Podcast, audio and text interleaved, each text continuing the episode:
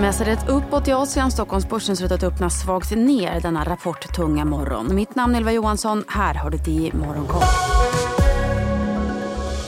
Ja, det är upp på börserna i Fastlandskina. Shanghai-börsen stiger hela 2% Shenzhen-börsen är upp över 1 Även Hongkong-börsen lyfter över 1% idag. Och detta efter att den kinesiska centralbanken meddelat att man kommer sänka kraven på bankernas reserver i ännu ett försök att stärka ekonomin. Oljepriset stärks samtidigt runt en halv procent idag samtidigt som marknaden hoppas på fler stimulanser i Kina. Igår visade också ny data att de amerikanska råoljelagren minskade mer än väntat i förra veckan. Brentoljan kostar 80 dollar fatet. Samtidigt faller flera elbilstillverkare på Hongkongbörsen efter att Tesla släppt sin rapport efter USA-börsernas stängning igår där man flaggade för att volymtillväxten under 2024 kan bli betydligt lägre än 2023 och det vare eh, sig resultat eller omsättning nådde upp till förväntan. Marginalen nästan till halverades och tyngdes bland annat av produktionskostnader för Cybertruck. Tesla föll 6% i efterhanden. Elbilstillverkaren Nio backar 5% på Hongkongbörsen. Xpeng är ner 4% och BID backar 1 Tokyobörsen däremot handlas i sidled precis som Seoulbörsen. Där har vi fått ny statistik som visar att den sydkoreanska BNP växte med 2,2 i årstakt i det fjärde kvartalet vilket var något bättre än väntat. Och världens näst största chiptillverkare SK Hynix backar 3% på Seoulbörsen trots att man oväntat vänt till vinst i sin rapport.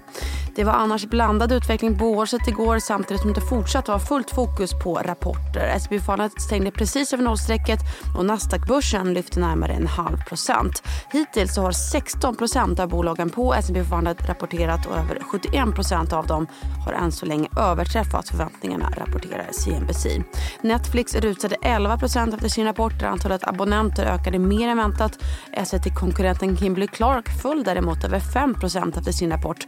Även teleoperatören AT&T backade 3% Båda rapporterade lägre vinst än väntat. Bortom rapporterna så lyfte svenska Spotify 2% efter nyheten att man från och med mars kommer kunna sälja prenumerationer direkt i sin iPhone-app. Idag ser vi för övrigt fram emot chiptillverkaren Intels rapport som är lite extra intressant nu med tanke på halvledarbolagens rusning och den rådande AI-hypen. Bortom rapportfloden håller vi såklart koll på den preliminära amerikanska BNP-statistiken för det fjärde kvartalet. Tillväxten väntas ha bromsat in rejält från kvartalet innan och landar på 2% Samtidigt så väntas privatkonsumtionen hjälpa till att driva tillväxten under 2024 nu när inflationen har börjat komma ner från sina höga nivåer. Och på tal om inflation så väntas ECB idag återigen lämnat styrräntan oförändrad. Såväl ECB-chefen Christine Lagarde som flera ledamöter har ju varit ganska tydliga senaste veckan med att det kan dröja innan man börjar sänka räntan. Marknaden väntar sig dock att ECB kan börja sänka någon gång i det andra kvartalet och räknar med runt 150 punkters sänkning under 2024.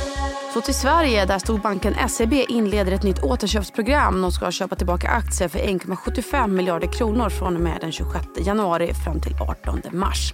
På tal om att köpa aktier så har SBBs Liv Synnes tackat ytterligare 20 000 B-aktier och 50 000 D-aktier i fastighetsbolaget för 322 000 kronor.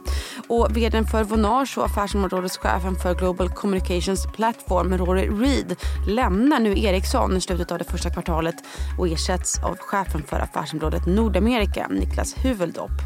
Vi kan väl också nämna att oljebolaget Tethys Oil flaggar för nedskrivningar i fjärde kvartalet på 37 till 47 miljoner dollar kopplade till block 3 och 4. Det för oss också in på dagens rapportflod här på hemmaplan där ju hela 15 procent av breda indexet OMXSPI släpper sina rapporter.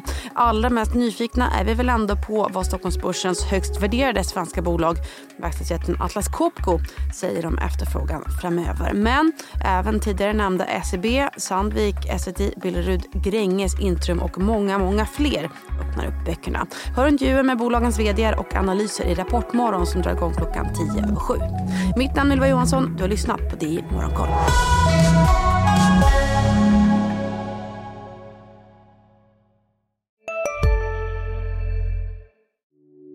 Hej, Ulf Kristersson här. På många sätt är det en mörk tid vi lever i. Men nu tar vi ett stort steg för att göra Sverige till en tryggare och säkrare plats. Sverige är nu medlem i Nato. En för alla, alla för en. Expressen gör varje vecka podden Politikrummet där vi djupdyker i det senaste och viktigaste inom svensk politik. Med mig, Filippa Rogvall, som programledare tillsammans med mina vassa kollegor. Och det är ju ni som heter Thomas Nordenskjöld, Anette Holmqvist och Viktor Bartkron. Politikrummet kommer med ett nytt avsnitt varje tisdag. Vi hörs.